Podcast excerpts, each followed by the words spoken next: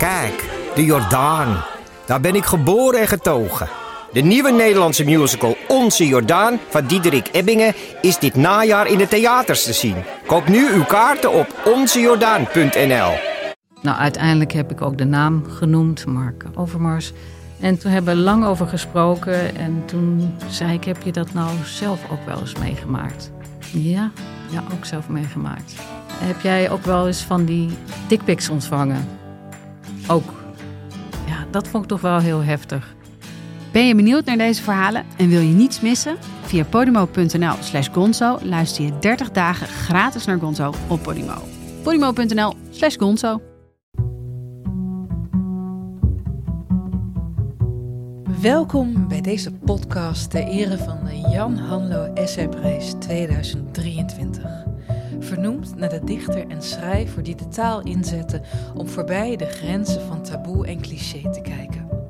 De man die via zijn teksten vermaakte, verraste en verontrustte. Bij wie grap en urgentie elkaar niet uitsloten, maar aanvulden. En die een van de veelzijdigste Nederlandse auteurs van de 20e eeuw mag worden genoemd. In deze podcastreeks worden de vijf genomineerden van de Jan Hanlo Essayprijs 2023 aan u voorgesteld. En zal via een gesprek hun werk en denken onder de loep worden genomen.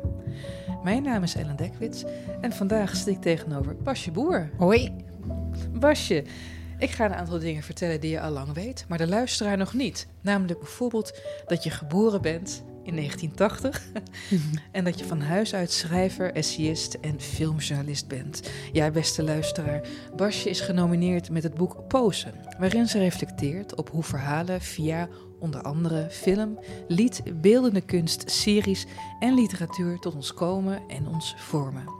Hoe ze onze geest vullen met de narratieven, overtuigingen en gemeenplaatsen die onder deze vertellingen doorschemeren en bepalend kunnen zijn hoe we onszelf, maar ook de ander beschouwen. Boer onderzoekt in een reeks essays hoe we hierdoor kijken naar de vrouw, welke rollen we haar wel of niet toebedelen en welke de vrouw zelf al dan bewust of onbewust speelt. Met hoofdrollen voor legendes zoals Boers grote geliefde Marilyn Monroe, van wie zij als meisje al fan was, de fictieve, denken we dan, horrorverhalen van Alfred Hitchcock en de waargebeurde, denken we dan, true crime verhalen. Maar ook Dolly Parton, Lana Del Rey en Lolita passeren de revue. Het is een boek over macht, male gaze en dubbele moraal. Over zien versus gezien worden, waarheid versus waardigheid. Over wat en wie we geloven en de talloze schakeringen van zowel het dader als het slachtofferschap. Een bundeling die zowel het terrein van de kritische analyse als dat van de memoire beslaat. Ja, ik moest even homerisch uitweiden hier, Basje, maar je hebt zo'n groot spectrum beslagen met dit boek. Allereerst Mhm. welkom en gefeliciteerd met deze nominatie. Ja, dankjewel. Het boek is kaleidoscopisch, het is gigantisch. Hoe lang ben je hiermee bezig geweest? Ehm, dat weet ik niet zo heel goed meer, maar wel eh, een aantal jaar en ook veel langer dan ik van plan was. Omdat ik altijd hele onrealistische deadlines voor mezelf stel. en ik heb ook gemerkt dat dat moet, dat ik dat nodig heb. Maar dat is dan ook altijd wel een teleurstelling dat het niet wat sneller gaat. Maar goed, dus ik heb er jaren over gedaan. Er zat een hele pandemie tussen. ehm, en waarin ik ook gewoon niet zo goed wist van... heeft het nog wel zin om dit boek te schrijven? Oh, Ja, ja, ik had wel echt het gevoel van... is er straks nog wel een, een literaire wereld of zo? Willen mensen nog boeken lezen? Willen mensen boeken hierover lezen? Ehm, waardoor ik ook niet echt zin had om te schrijven, zeg maar. Eh, maar uiteindelijk eh, ben ik gewoon eh, vrolijk doorgegaan en was het boek er toch. Zo een beetje. en, en kwam het door de pandemie dat je dacht, mensen willen niet meer lezen, mensen willen alleen maar overleven nu? Ja, zo dat eerste, die eerste maanden, ehm, nou, voor het eerste jaar zelfs, vond ik dat allemaal wel. Ik dacht even kijken waar dit naartoe gaat. Zo, het voelde heel onzeker allemaal. Ehm, ja, en ook dus gewoon qua onderwerp. Dat je denkt, ja, w- waar gaat het eigenlijk over? Is dit wel. eh, En gaan mensen dood aan COVID? Ja, Wat hebben we aan identiteitsdenken? Ja, en er waren toen ook meteen van die COVID-boeken dat ik dacht van, ja, moeten we hier dan met z'n allen over schrijven? Was ik ook niet helemaal van overtuigd. Maar ja, je, je weet het dan gewoon niet. Nee. nee. Dus ha- had je een beetje een crisis in die COVID-tijd? Ja, nogal, nogal. Die samenviel met een verbroken relatie. En, eh, dus het was, eh, en, en 40 worden, was ook een soort midlife ding. Dus het was wel een beetje een crisisperiode, inderdaad. En hier zit je dan als een phoenix Ja, met een kleine laag as op je schouders. En nou ja, het is dus gelukt. Het boek is er. Mhm. En eh, in de verantwoording staat ook dat een aantal essays al wel eerder is verschenen, ook onafhankelijk. Wan- Wanneer, hoe oud is het oudste essay dat hierin staat? Zodat ook de luisteraar een beetje een idee heeft van hoe lang je hier al aan hebt geschaafd. Ehm, ik vind dat heel moeilijk. Ik heb in eerste instantie gewoon eh, alles erbij gepakt, ongeveer, wat ik had geschreven sinds ongeveer 2016. Ehm, en dan zijn er weer dingen afgevallen, toch weer ingegaan, alsnog afgevallen. Maar ik denk dat uiteindelijk het allemaal best wel recente essays zijn die erin staan. Ehm, ik denk dat het oudste van 2019 is. Oké, oké. En ik heb wel heel veel herschreven, uitgebreid, op een nieuwe plek gezet. Dus ja, het is oud, maar eh, niet ook ja, herzien. Het is echt herzien. Het leest een beetje als een soort ook overzichtswerk van je, van je eigen denken, als ik zo vrij mag zijn. Heb je, ik, ik kan me ook voorstellen dat toen je dit boek uit had, toen je dit boek af had, dat je dacht van ja, en nu? Ehm, ja, ik kan me voorstellen dat jij je dat kunt voorstellen. Maar dat wat is. Ja. Nee, maar zo was het toch niet. Ik kreeg heel veel zin om ermee door te gaan. Omdat je toch. Dat was de eerste keer dat ik een. Ik bedoel, ik schrijf al langer stukken, essays. ehm, probeer nieuwe dingen uit, andere onderwerpen. Ehm, maar een bundel maken, dat is wel, wel echt iets anders. En wat ik zei, ik begon met al die oude dingen. En dat je ook heel erg het gevoel hebt van, inderdaad, ik wil een overzicht maken. En op een gegeven moment merk je, nee, er zitten bepaalde thema's in, die moet ik eruit pikken. En de stukken die daar niet over gaan, die, die moeten er niet in. Het moet wel echt een, eh, het, heeft een bepaalde richting nodig. En die zat al eigenlijk in die essays, dus die moest ik eruit zien te, te, te pikken.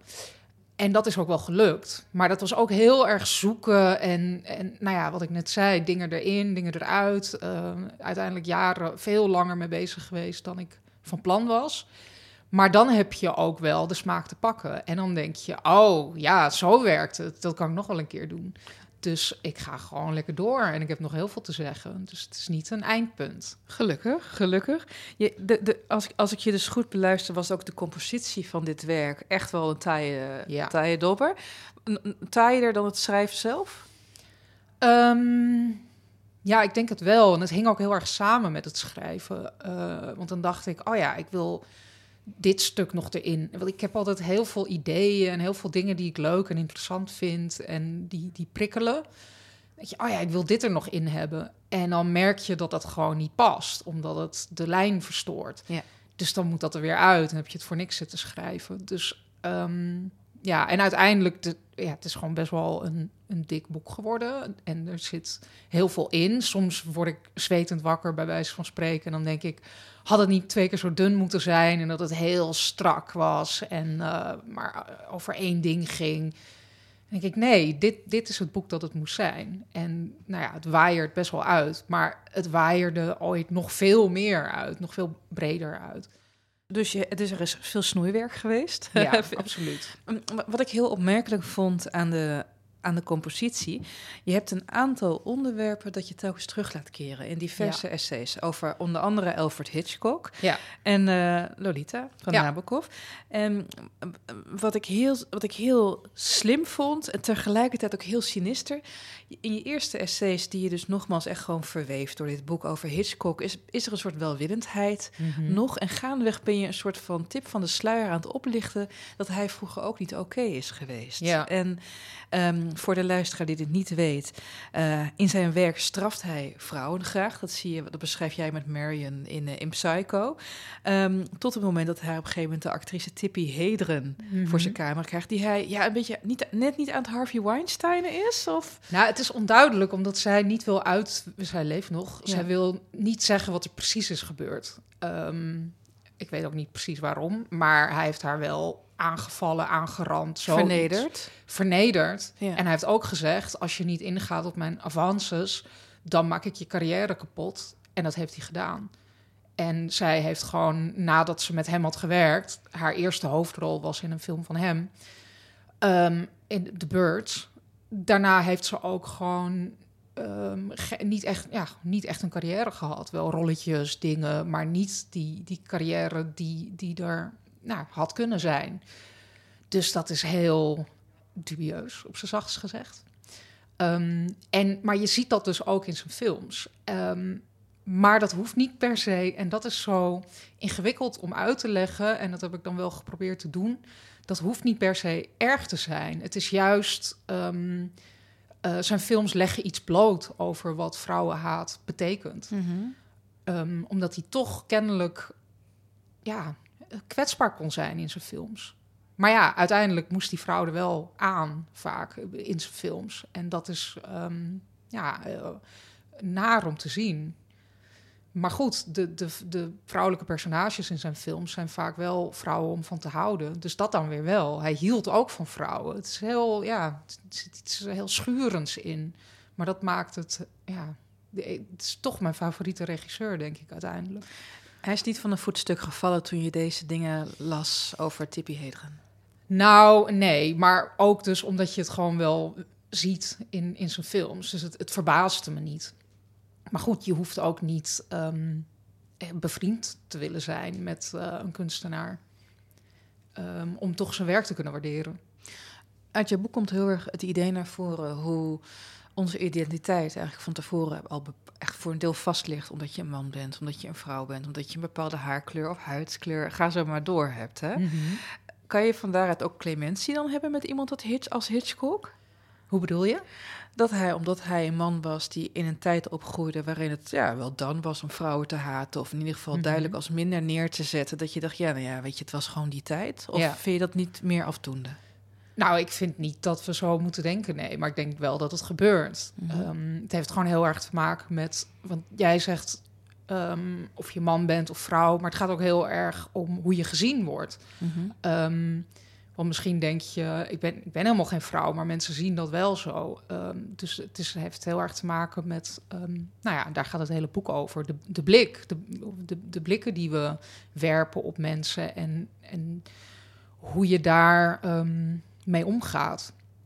Maar goed, ehm, inderdaad, ik denk dat Hitchcock met heel veel wegkomt, omdat het nou eenmaal, ja, nou ja, het is, het is nou eenmaal zo'n mannetje of zo. En ehm, ik schrijf ook iets in mijn boek over hoe we überhaupt omgaan met ehm, mannelijke kunstenaars. Dat je denkt, ja, oké, hij is onaardig tegen zijn vrouw, wat, maar hij maakt wel briljante kunst.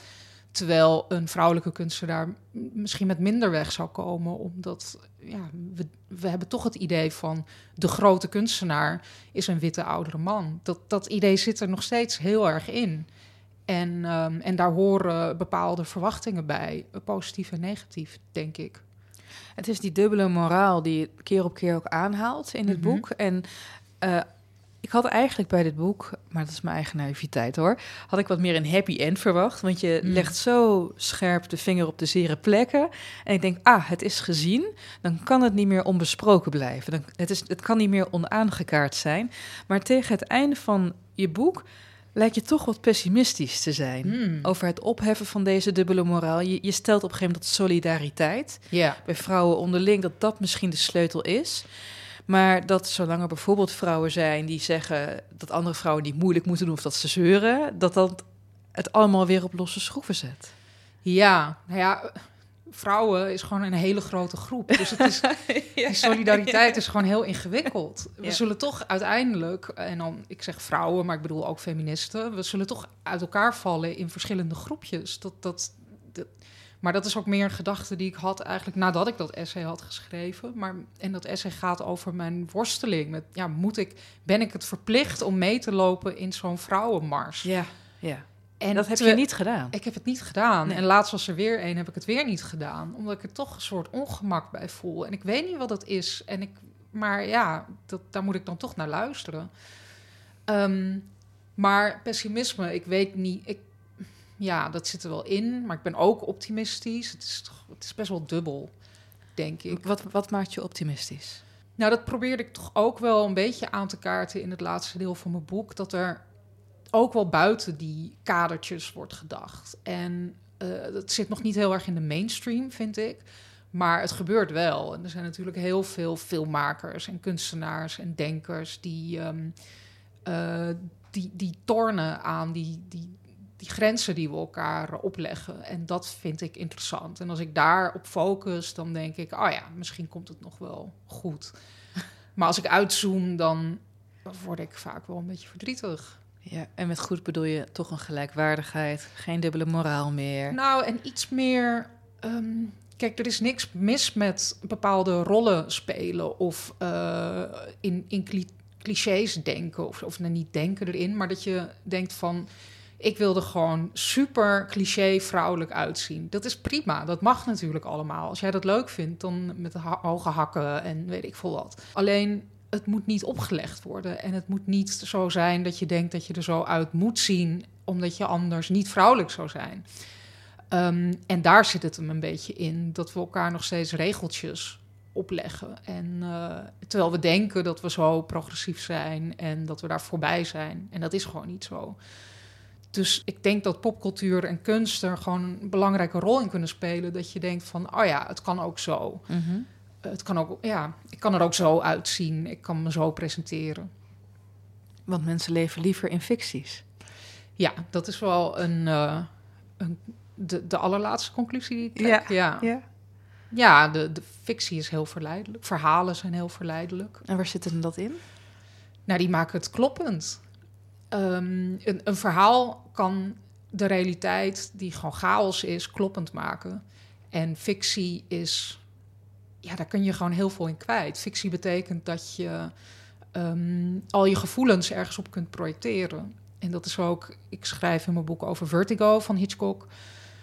Prachtige film. Mhm. En eh, dat gaat er ook heel erg over. Van het, het, de, de vrouw ehm, verkiezen boven de echte vrouw. Omdat daar kun je gewoon eh, je ideaalbeeld op projecteren. En een echte vrouw die praat terug en die blijkt dan helemaal niet zo ideaal te zijn. Maar dat is, dat is dus misogyn.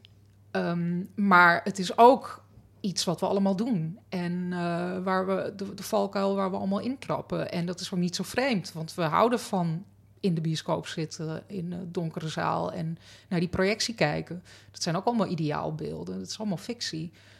Maar je moet toch het onderscheid maken. En, eh, en ook de chaos omarmen. En de, de ja, mensen eh, accepteren voor wie ze zijn. En, en daar de schoonheid in vinden. Juist ook in ehm, ja, hoe, hoe we fouten maken en eh, struikelen. Je, je, je, je, je, houdt je al lang bezig met deze cultuuranalytische blik. Met, Mhm. met, met, met films, maar ook andere media hierop analyseren. Hoe is het als je zelf verliefd bent? Als ik zelf verliefd Ja, ben? ja. Oké. Hoe kijk je naar je kleren dan? Dat is ook, dit is ook een vraag die ik mezelf als ik verliefd ben afvraag hoor. Ja. Want wat is, wat, wat, wat is pleasing en wat, daarvan, wat is daarvan is strategisch, weet je wel? Ja. Omdat je weet dat je benen toch beter uitkomen op die hak. ja. En, en wat is opgelegd? Nou, ik denk wel als... ehm, je hebt gewoon verschillende vormen van verliefdheid. En ook gedurende je leven, tenminste in mijn geval... verschillende soorten verliefdheden. En je hebt ook verliefdheden die misschien niet helemaal ehm, wederzijds zijn... of een beetje op het randje zitten. En dan kom je in op het giftige terrein... En dan ga je misschien anders voordoen dan je eigenlijk bent. Dan ben je niet meer zo bezig met ehm, wie ben ik en hoe laat ik dat het, het best zien. Dat is denk ik de, de beste variant. Ehm, maar als je heel erg bezig bent met wat ziet de ander en hoe kan ik daaraan voldoen, dan gaat er iets mis. Ben je wel eens in die valkuil getrapt? Absoluut, ja. Ja, en dat zijn vaak ook eh, relaties of, of scharrels of weet je, beginnende relaties, waarbij ehm, in mijn geval dan de ander steeds een beetje gaf, maar net niet alles wat je nodig had. En dan ontstaat er een soort gekte in je. En dan, ja, dan, dat, is, dat is echt heel gevaarlijk terrein. Dan ben je gewoon niet jezelf meer. Dan denk je de hele tijd, ik moet meer van wat ik net kreeg. Dat beetje, ik moet daar meer van. En dat ga je nooit krijgen. En dan, ehm, ja, dat, wordt, dat is gewoon gevaarlijk. Een verslaving die zoals alle verslavingen tot zelfverloochening leidt. Ja, het is echt een Ja. verslaving, klopt. ja. En ik denk dat veel mensen dit wel eh eens hebben meegemaakt. Ik in ieder geval wel. En Ja. ik denk dat wij de een, niet de enige twee zijn. Nee. Ik, ik, wil, ik wil terug naar iets wat je, wat je eerder zei, wat ook al aansloot op een vraag die ik je wilde gaan stellen. Hè. Dit boek gaat dus nou, nogmaals over identiteit. En van binnenuit en van buitenuit opgelegde identiteiten. En ehm, je had het net al even over ja, een beetje toch een horrorjaar, 2020, Ja. corona. eh, relatie uit, Mhm. eh, denken van wat moet ik nog met mijn werk. Maar in je boek staat ook dat je in die zomer borstkanker krijgt. Ja. Allereerst, hoe is het nu met je? Ben, je? ben je schoon? Ben je gezond? Ja, ja, Ja? ik ben gezond. Ik heb wel binnenkort weer een MRI-scan, dus dat Oh is altijd spannend. Ja. Ja, en dan hoop ik dat het er gewoon goed uitziet. Ja. En ik eh, zit nog steeds in die hormoontherapie. Dat is, dan een pil die je dagelijks slikt. En Dagelijks? Ja. en Voor dat vijf moet- jaar? Ja, vijf jaar totaal. Maar op dit moment heb ik daar niet echt bijwerkingen van. Valt althans heel erg mee, dus dat is wel goed te doen. Ja. Maar dat was inderdaad in dat horrorjaar. ehm, dat, ik had echt het gevoel dat ik op een soort eiland zat. Heel veel mensen natuurlijk, maar ik had dat gevoel ook in mijn eentje. En ik had, die relatie was verbroken. En ik zat echt zo met mijn kat thuis. En ik wist gewoon niet waar het heen ging. En, eh, en toen ontdekte ik dus ineens een, eh, een knobbeltje. Wat ik echt een heel akelig woord vind. Maar ik weet ook niet hoe ik het anders moet noemen. ja. En toen dacht ik, oké, nou, toch maar laten checken. Het zal wel niks zijn. En toen kwamen natuurlijk allerlei onderzoeken en ze wisten het steeds niet. En uiteindelijk was het toch gewoon kanker. En ehm, dat is een heel absurd gesprek dat je dan hebt. Ook een telefoongesprek, omdat het natuurlijk vanwege corona was het allemaal anders. Ja. En dat je denkt, ja, hè? Het is gewoon absurd. Je kan er niet bij. Hoezo kanker? Maar het was ook wel meteen eigenlijk duidelijk dat het ehm, eh, heel, ja, dat ik er heel op tijd bij was. Oké. Ja, dus dat was heel fijn. Dus het was nog heel klein. En eh, nou, toen bleek ook, toen kon ik meteen eigenlijk terecht voor een operatie. En toen konden ze het ook verder onderzoeken. En toen bleek van, nou, het is niet uitgezaaid. Het is een heel ehm, ja, een goed soort kanker, zeg maar. Ehm, heel hormoongevoelig. Daarom kon ik ook die hormoontherapie doen. Dus ik heb daarna alleen bestralingen gehad, vier weken. En, eh, en dan die hormoontherapie. Maar ik hoefde geen chemo. En, eh, en die borsten konden er ook aan blijven zitten. Dat is ook fijn, toch? Ja. Dat is toch fijn. Maar ehm, ja, het is heel naar. En, eh, en ik was dus net echt... Terwijl ik met die onderzoeken bezig was, werd ik 40. En nou, wat ik net zei, dat is toch zo'n midlife ding. Ehm, dus dat speelt ook mee. Dat je denkt, is, is dit het? Ehm, maar goed, daarna is er dus ook een soort nieuw begin. Dat is gewoon echt zo. En, eh, en dat voelt heel fijn.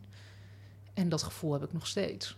Oké. Dus, Oké. eh, Nou, een kennis van mij, toen zij te horen kreeg dat zij, ze- ze- dat zij kanker had, eh, ook een jonge vrouw, die zei van, ik vind, ik vind mezelf helemaal niet het type om kanker te hebben. mm. En die werd er heel moe van hoe de hele buitenwereld op een gegeven moment met haar omging. Ze, werd, ze had het gevoel dat ze echt gevictimiseerd werd. Oh ja. Een, een, een mar- martelaar van de lukraakheid van celdeling. Is dat bij je, is, hoe, hoe zat dat bij jou? Ja, nou dat is dan misschien een soort voordeel aan dat het in die coronatijd was. Dat ik toch echt heel weinig mensen zag. En als ik mensen zag, dan wist ik gewoon niet zo goed hoe ik het erover moest hebben. Mhm. Dus ik, het, ik hield het best wel bij mezelf. Mhm. Maar misschien speelde dit ook wel mee hoor. Dat ik dacht van ik wil niet als een slachtoffer gezien worden. Dus ik haalde heel veel kracht uit dat iedere dag in, in de zomer door het Vondelpark naar eh Antonie van Leeuwenhoek eh, fietsen en daar die bestraling ondergaan. En ik haalde er ook kracht uit dat ik dat soort van alleen deed. Hmm. Maar ik vind het vooral achteraf ook heel verdrietig. Ja. En ehm, dat ik ook niet.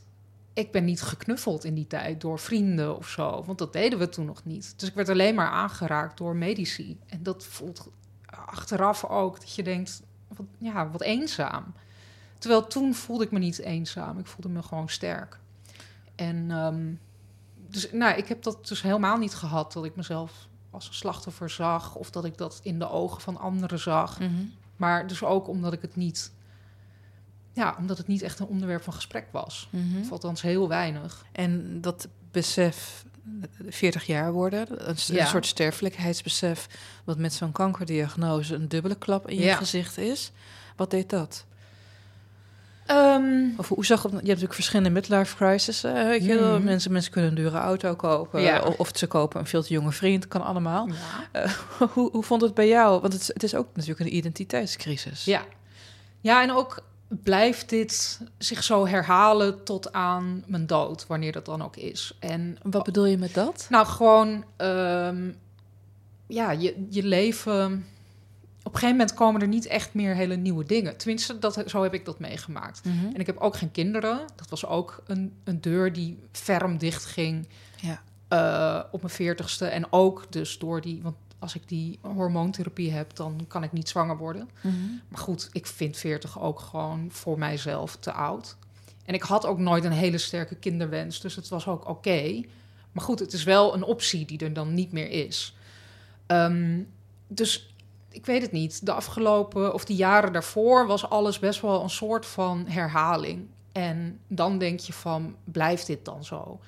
Ehm, of kan ik een andere weg inslaan? En dat is ook iets wat in je hoofd gebeurt. Het hoeft helemaal niet dat je letterlijk gaat verhuizen naar een ander land of eh, een andere baan neemt. Dat, dat is het allemaal niet. Het is iets wat in je hoofd zit. En ik denk wel dat ik in die periode ehm, wat deuren heb opengezet naar net even anders nadenken over dingen. Weet je wat ik me ook afvroeg? Tegenwoordig, je hebt een hele scherpe blik in dit boek. En je, je vlooit hoe mensen dingen formuleren helemaal uit. Om te zien wat voor ja, machtsstructuren en intenties daaronder lijken te liggen. En deze manier van heel nauwkeurig lezen staat voor mijn gevoel tegelijkertijd haaks op een samenleving waarin er steeds minder goed wordt gelezen. Waarin mensen een nieuwsartikel beoordelen op basis van de kop die erboven staat en verder gewoon niet eens kijken. En wat ik heel moeilijk vind en wat ik me afvraag voor jou als essay- essayist is, waarom zou je nog doorschrijven binnen de essayistiek, wat toch een kwestie is van nuanceren, vernieuwen, frisse blikken werpen, als mensen alleen al op basis van hoe ze denken dat jij bent, op grond van je uiterlijk of je leeftijd of je gewicht of je huidskleur, noem maar op, al niet bereid zijn om, je, om naar je te luisteren. Hoe, zie jij dat? Ik bedoel, Ja, nou ja, ik ben het helemaal met je eens. Dat is ook dat is een worsteling. ja.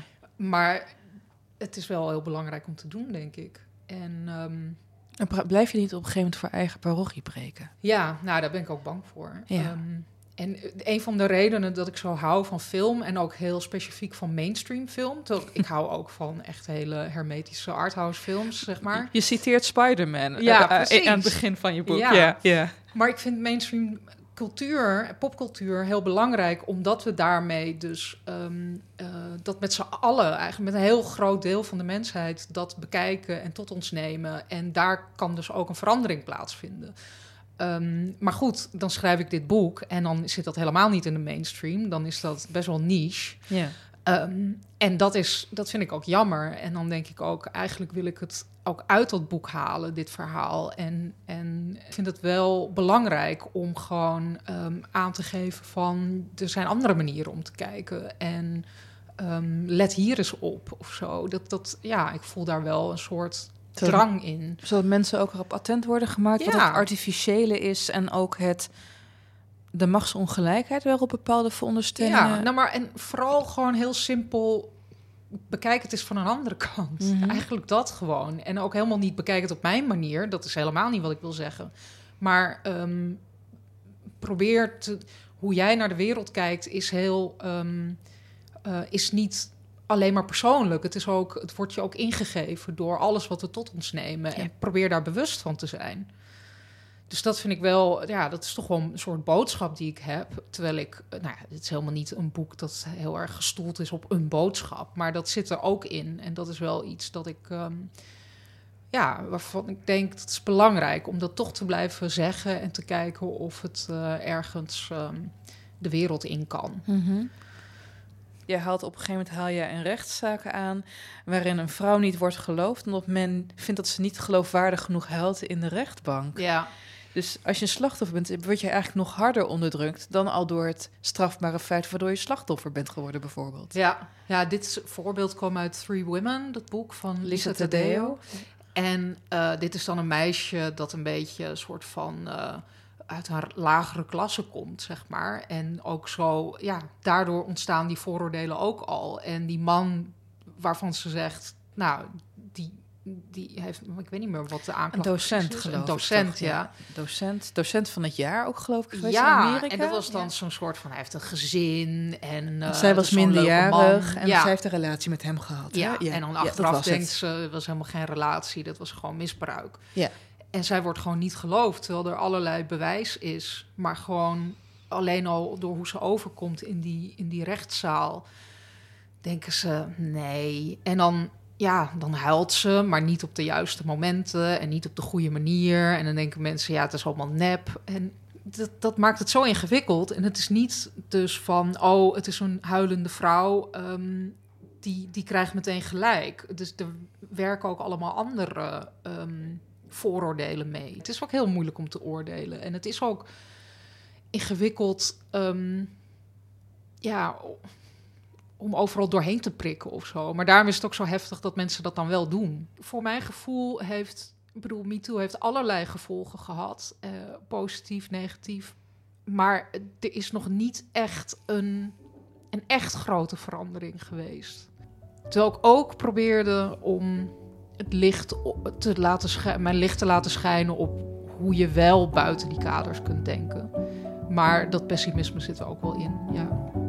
Laten we hopen dat de handreiking die je hierin doet om mensen te laten zien hoe je buiten die kaders kan kijken, mensen ook weer het licht kan doen terugvinden. Ja, ja zeker. Dankjewel. Deze podcast werd mede mogelijk gemaakt door Stichting Lieren, de Groene Amsterdammer en de Stichting Literaire Activiteiten Amsterdam. De podcast werd gemaakt door Giselle Mijnlief en mijn naam is Ellen Dekwits. Dank voor het luisteren.